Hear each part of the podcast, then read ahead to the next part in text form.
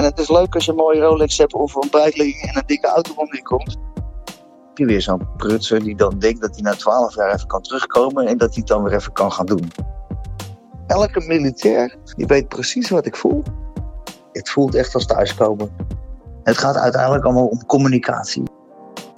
Dus om uh, verbinden. Dus, uh... Welkom bij mijn missie, de wekelijkse interviewserie van Landmacht FM. Mijn naam is Patrick Regan.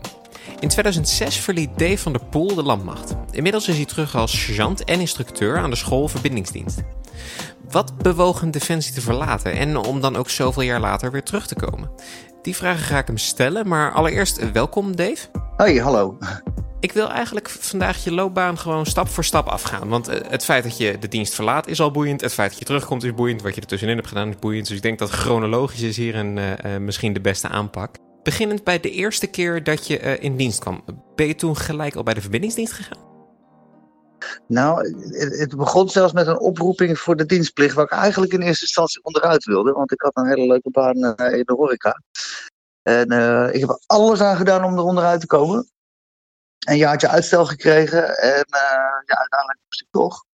En het was me goed bevallen, dus in eerste instantie was ik als dienstplichtig opgekomen bij de intendans. En toen vond ik het eigenlijk zo leuk om in een groene pak rond te lopen dat ik dacht van nou, ik ga beroeps worden. En, uh, ja, en toen dacht ik van, ik moest een keus maken. Van wat zal ik er dan eens gaan doen? En een hele mensen zeiden over, ja, je kan bij de infanterie gaan, maar als je er dan weer uitgaat, dan is het pindakaas links, hagelslag rechts. En uh, ja, je kan misschien beter iets doen waar je na je diensttijd ook nog iets aan hebt. Nou, voor mijn diensttijd was, uh, ja, was ik eigenlijk een beetje een vroege schoolverlater. Ik wilde graag werken en diploma's waren niet zo belangrijk. Nou, dat heb ik gelukkig in een latere fase bij Defensie nog uh, mogen corrigeren. Ik ben toen heb ik expliciet voor de verbindingsdienst gekozen. Met het idee van, nou, wie weet kan ik, als ik dienst uitga, wel ergens terecht waar ik mijn skills uit het leger kan gaan gebruiken. Om nog heel even terug te gaan naar die overstap zeg maar, van het dienstplichtig naar beroepsmilitair. Kun je ja. iets specifieker zijn over wat het dan was dat je zo aansprak? In dat groene wereldje. En, en ik, vond het allemaal wel interessant. Al die mensen, al die, die mooie pakken natuurlijk, uh, die groene vlekken. Dat, dat vond ik erg interessant. En ik, ja, goed, dienstplichtig was mijn functie niet echt heel erg spannend. Ik bedoel, ik was uh, op de knoopkazerne geleverd. En daar zat, zat, zaten vooral staven en dergelijke. Dus dat was het niet zo heel erg spannend. Dus ik wilde eigenlijk meer weten van ja, het bos in en, en, en stoere dingen doen. En dus toen dacht ik, uh, uh, die kant wil ik op. En uh, ja, die kans heb ik uiteindelijk genomen. Voor de, voor de leken onder ons, inclusief mijzelf, verbindingsdienst. wat verbind je? De verbindingsdienst is, is eigenlijk een, een traditionele, traditionele naam voor ja, wat tegenwoordig misschien een uh, telematica onderdeel wordt genoemd of ICT. Het gaat uiteindelijk allemaal om communicatie, dus om uh, verbinden. Dus uh, waar je vroeger gewoon je huistelefoon had, ja, heeft, heeft, heeft het leger ook bepaalde communicatieonderdelen. En voor als bijvoorbeeld eenheden in het veld zitten, ja, dan moeten ze ook kunnen bellen. Neem bijvoorbeeld een, een, een, een eenheid die op uitzending zit. Die moet natuurlijk ergens hun opdrachten en bevelen vandaan krijgen. Dus er is een link met Nederland. En onderling hebben zij weer links en verbindingen met eenheden die in het voorterrein zitten. En dat moet uiteraard allemaal met elkaar in verbinding staan. En het moet werken, dat is het belangrijkste. Je zei dienstplicht, dus daar ga ik automatisch vanuit dat dat al best wel een tijdje geleden is. Eh, jaartal weet ik nog niet. Dus dat ga ik eerst vragen. Wanneer speelde dit, zeg maar, de eerste keer? Ja, toen ik opkwam, dat was in 1995. Dus dat is al een tijdje terug. In de 90s, dat was een hele mooie periode natuurlijk. Um, 1995 op de Bernhard-kazerne. En uh, je hebt dienstplichtig een aanmo gekregen van, van, van drie weken, geloof ik, dat, dat ik kreeg. Dat is uh, een schil contrast tot wat een beroepsmilitair krijgt. Ja, daar, daar is het eigenlijk allemaal begonnen, in 1995, op de Bernhard-kazerne in Amersfoort. En die, die, die verbindingen in, in die tijd, hoe zag dat er toen uit? Want ja, toen was het uh, nog voor internet, nog voor uh, allerlei digitale dingen, misschien analoog bellen. Ja, nou als dienstplichtige was ik dus, zoals ik zei, bij de intendansen. Dat is zeg maar, dat was een logistieke groep. Dus toen deed ik nog niet zoveel met verbindingen. Maar toen ik uiteindelijk beroeps werd, toen ben ik bij de verbindingsdienst terechtgekomen. En vanaf daar ben ik inderdaad met die, met die communicatiemiddelen in aanraking gekomen. Dan moet je denken aan, aan radioverbindingen. Een, walkie-talkie, maar dan zeg maar de militaire versie. Dus die zijn over het algemeen uh, tien keer zo groot en kunnen veel langere afstanden aan. Maar je moet ook denken aan uh, bijvoorbeeld kabelverbindingen. Dus gewoon letterlijk een, een lang kabeltje in het voorterrein leggen waar met krokodillenbekjes een, een, een telefoonhoorn op wordt aangesloten. En zodat je met elkaar kan praten. Goed, en, en dat is, is zeg maar de, de, de, de meest simpele manier van verbinden. En, en, en toen de tijd uh, ja, waren radioverbindingen, straalzenderverbindingen en dat soort zaken waren eigenlijk in, in, uh, heel erg belangrijk. En die eerste, ik ga het gewoon je eerste loopbaan noemen bij Defensie. Um, ja. Die heeft bijna elf jaar geduurd, als ik het zo hoor. Hoe, hoe is dat dan verder ontwikkeld? Oh joh, uh, ik werd geplaatst bij een, een eenheid, dat was 121 Reon Verbindingscompagnie. En daar kwam ik terecht als, eh, als, eh, als soldaat in eerste instantie. En al snel als corporaal bij een kabellijngroep. Dus ik was inderdaad een, een leidinggevende bijna. Ik, had een, een kabellijngroep. Dus die waren verantwoordelijk voor het leggen van kabels voor de verbindingen. En daar was ik, had ik het eigenlijk al goed naar mijn zin. Leuke groep jongens. En, en goede kameraadschap onderling. Leuke oefeningen. En toen wilde ik eigenlijk onderofficier worden. Dus op voordracht van de commandant van de eenheid mocht ik toen naar de KMS toe. Uh, daar heb ik mijn onderofficiersopleiding gevolgd en vervolgens weer teruggekomen bij dezelfde eenheid. Dus uiteraard staat er ook nog een functieopleiding tussen. Dus dat, dat, dat, gaat al een aardige periode overheen. Voordat je weer helemaal klaargestoomd bent om als onderofficier aan de slag te gaan. Ik kwam uiteindelijk terug op eigenlijk dezelfde functie als die ik had weer bij de kabelijngroep. Alleen nu in de rang van sergeant. En uh, als ik het zo hoor, je bent dus redelijk uh, opgeleid in die tijd. En nu ga ik gelijk een klein sprongetje maken naar je uh, overstap richting de burger. Um, ja. Jij jouw opleidingen zullen je dus op een bepaalde manier ook aantrekkelijk hebben gemaakt voor de buitenwereld. Je zei zelf al dat dat een van de redenen was dat je uh, niet naar de infanterie bent gegaan, maar iets anders zocht. Uiteindelijk, voordat ik de overstap heb gemaakt, zijn we nog op uitzending geweest. Um, weer teruggegaan naar diezelfde eenheid. En uiteindelijk heb ik nog een schoolfunctie gedraaid, het schoolbataljon, waarbij ik instructeur was en de AMO-opleiding verzorgde in Ermelo. En vervolgens heb ik inderdaad weer bij de verbindingsdienst een hele opleiding gekregen, wat in die tijd ineens meer gericht was op de ICT. Daar uh, een, een, aantal aardige leuke cursussen doen die ook in de burgermaatschappij zeer waardevol waren. Dus ja, net de cv die ik inmiddels had opgebouwd, werd ik inderdaad ook wel interessant voor de buitenwereld. En zo ben ik inderdaad uh, bij het bedrijf terechtgekomen. Ik had natuurlijk uh, al, al, niet meer gesolliciteerd. Uh, sinds, ja, ik kon me niet eens meer herinneren wanneer ik de laatste keer gesolliciteerd had toen. en ja, dan moet je jezelf gaan solliciteren. Nou, toen de tijd dat je een monsterboard en een vacaturebank. En ik hoefde ook niet per se snel weg of zo. Dus ik had geen haast. Dus wat deed ik dan? Ik had, ik had bijvoorbeeld mijn cv op Marktplaats neergezet. Dus dat, dat was toen nog interessant. Dus ik stond zeg maar tussen de tweedehands schemerlampen en oude kasten in. En, en, die grap is later ook nog wel gemaakt. Want uh, de baas van mijn burgerbaan die heeft toen gezegd: Nou, ik was op zoek naar een lamp en kwam jou tegen. En uh, uiteindelijk ben je in dienst gekomen. Dus ja, ja, letterlijk zo. Dus de, de, de, kennis uit, uit het leger heb ik goed kunnen gebruiken, ook in de burgermaatschappij. Dan, dan zeg je, sergeant, je hebt een uitzending gedaan, groepscommandant, je bent instructeur geweest, je hebt al die opleiding gehad. Dan ben je ook wel een, een, een bijzondere, als militair type mens wat dan uh, gaat solliciteren. Want het zijn allerlei kleine dingetjes die je eigenlijk in de burgermaatschappij, denk ik, op die leeftijd en die positie niet hebt meegekregen. Nee, kijk, wat het mooie van de onderofficiersopleiding is, je bent vakman, je bent leider en je bent instructeur. Dat is, dat is zeg maar het credo ook van de onderofficier. En uh, ja, je hebt een drievoudige functie. En uh, ja, leiding geven in het leger gaat misschien toch ook wel een beetje anders dan, dan in de burger soms kan het heel direct zijn, maar soms kan je ook echt, uh, echt participatief uh, leiding geven. En, en, dat zijn, en, en dat zijn ja, die, die, die in het leger toch wel heel erg eh, goed worden aangebracht. En ik was natuurlijk een instructeur ook. En ik heb ook een schoolfunctie gedraaid, zoals ik net zei. Ook die manier van lesgeven, die methodieken en, en dergelijke. En ja, in het leger gaat dat toch een beetje anders dan zeg maar, op de gemiddelde MBO en, en die, die, die, methodieken die zijn heel erg waardevol gebleken, later, bijvoorbeeld ook uh, met, met verkoop. Ik heb ook een, een, een heel groot deel verkoop gedaan in de burger. Ja, en, diezelfde methodieken waarmee ik lesstof aan de man bracht, bracht ik nu uh, producten aan, de man. Laten we dan nu die, die, die stap maken naar uh, je, je burgerbestaan. Wat is uiteindelijk de reden geweest? Want je zei ik had geen haast om de dienst te verlaten. Wat was de reden dan dat je toch besloot om voor een, uh, voor een burgerbedrijf te gaan werken? Dat is eigenlijk een beetje tweeledig. Uh, in het laatste jaar dat ik in, uh, in dienst zat, toen kreeg mijn, mijn vader een hersentumor. En ja, die overleed. Dus dat, was een, dat maakte een behoorlijke impact op mij. En hij was nog niet begraven of mijn moeder kreeg kanker. En dat, ja, op een gegeven moment werd dat zo heftig in mijn leven dat ik dacht van, ja, die, die uitzending, ik had nog wel een half jaar langer van mijn ouders kunnen genieten. En ik zat eigenlijk, was ik een beetje in een fase dat ik dacht van, nou, ik ga al mijn schepen achter me verbranden en ik ga alles anders doen. En ik ben in mijn burger, uh, ben ik ook, ook uh, zeg maar vechtsportinstructeur. Mm -hmm. En ik wilde daar ook graag een eigen school in gaan openen. En ik, ja, dat is ook al niet lekker te combineren met oefeningen en uitzendingen en dat soort zaken.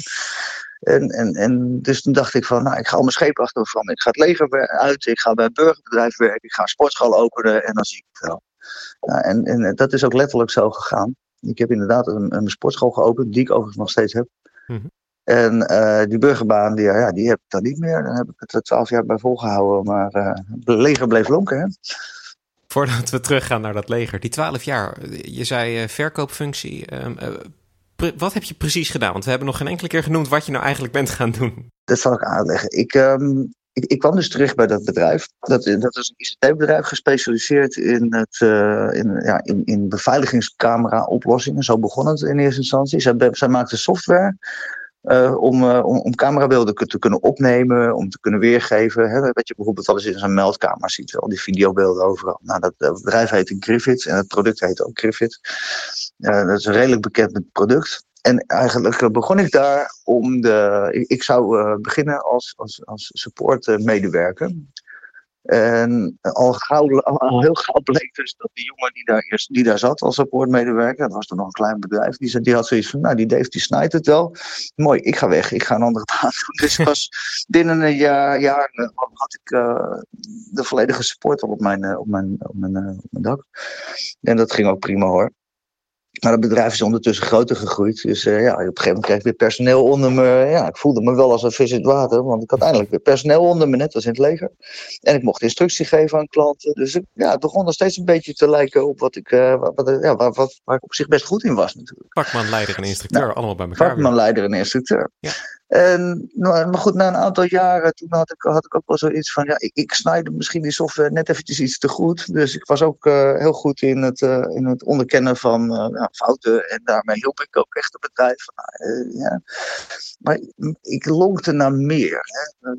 Een oud collega die, die was uiteindelijk in de verzekeringen terechtgekomen. En die zegt, ja, dat, die, die, techniek, die, die lesgeeftechnieken, die kan ik zo goed gebruiken in de verkoop. Ja, en, en toen, ik dacht ook van ja, verkoop is leuk. Uh, dan verdien je al gauw uh, een flinke zakcent meer. Als dat je support engineer bent. Dus ik ben dat. Ik, uh, ja, ik ben uiteindelijk in een functie terechtgekomen als, als, junior sales. Nou, en al gauw werd ik inderdaad, ik bleek daar best wel goed in te zijn. Ik heb binnen het bedrijf heb ik allerlei opties binnengehaald om te zeggen van oké, laten we er ook hardware bij gaan verkopen. Service level agreements. En, en, en, en die verkoop breidde zich steeds verder uit. En mijn kennis van de techniek maakt de verkoop makkelijker. En de methodiek die ik had geleerd om les te geven, die kon ik goed gebruiken om te verkopen. Dus ja, ik, ik, kreeg al gauw uh, te maken met key accounts.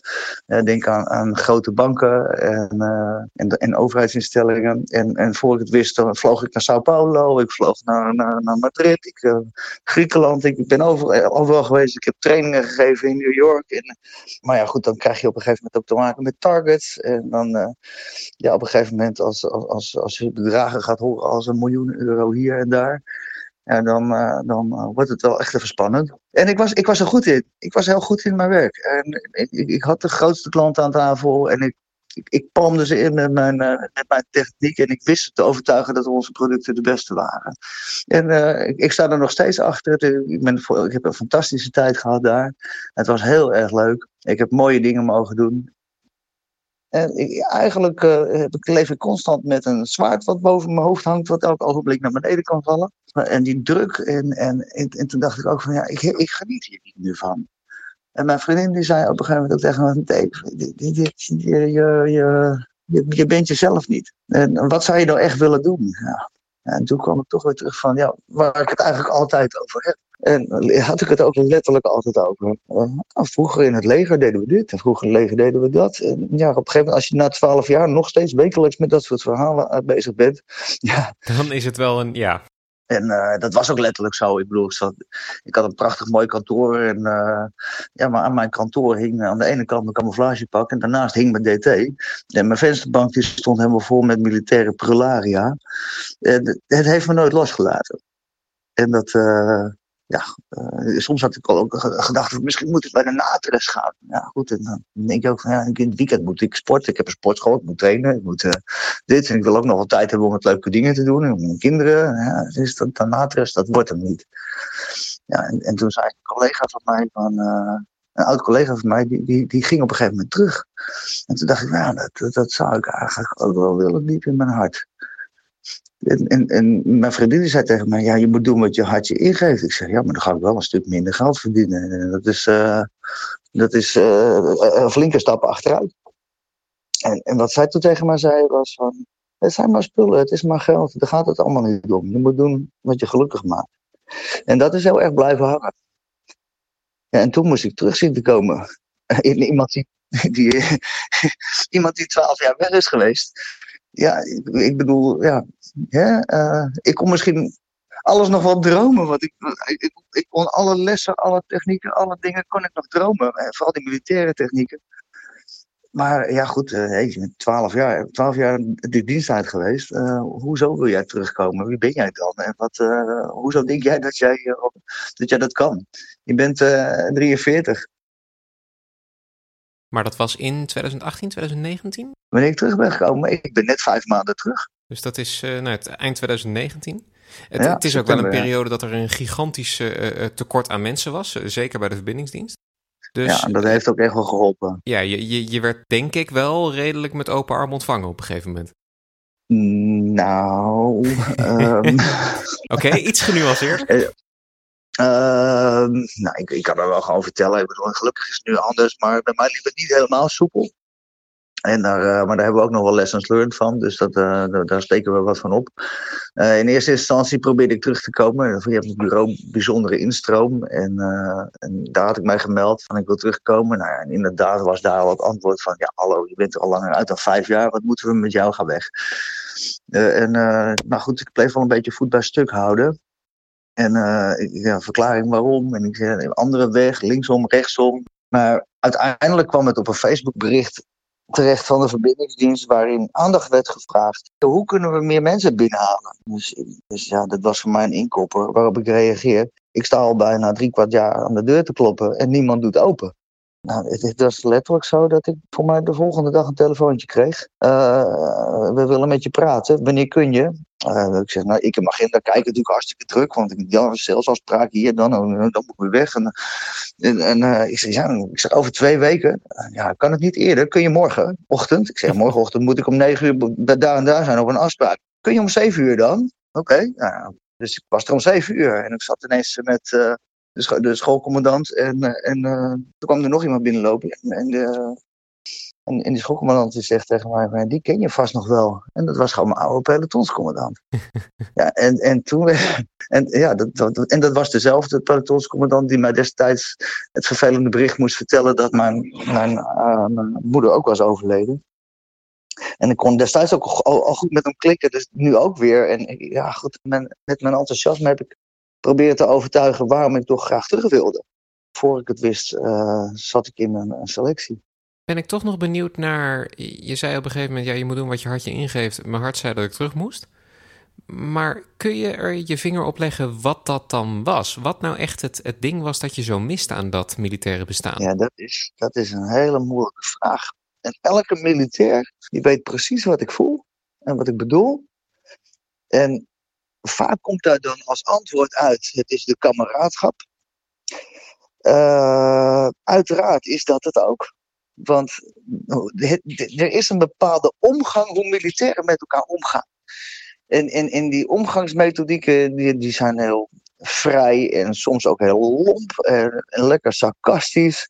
En, en, men is lekker scherp op elkaar, zeker als je onderofficier bent, hè, want je hebt een voorbeeldfunctie richting de manschappen. En als je dan bijvoorbeeld eventjes iets fout doet, ja, dan, zijn er altijd wel collega's die jou er eventjes aan helpen herinneren.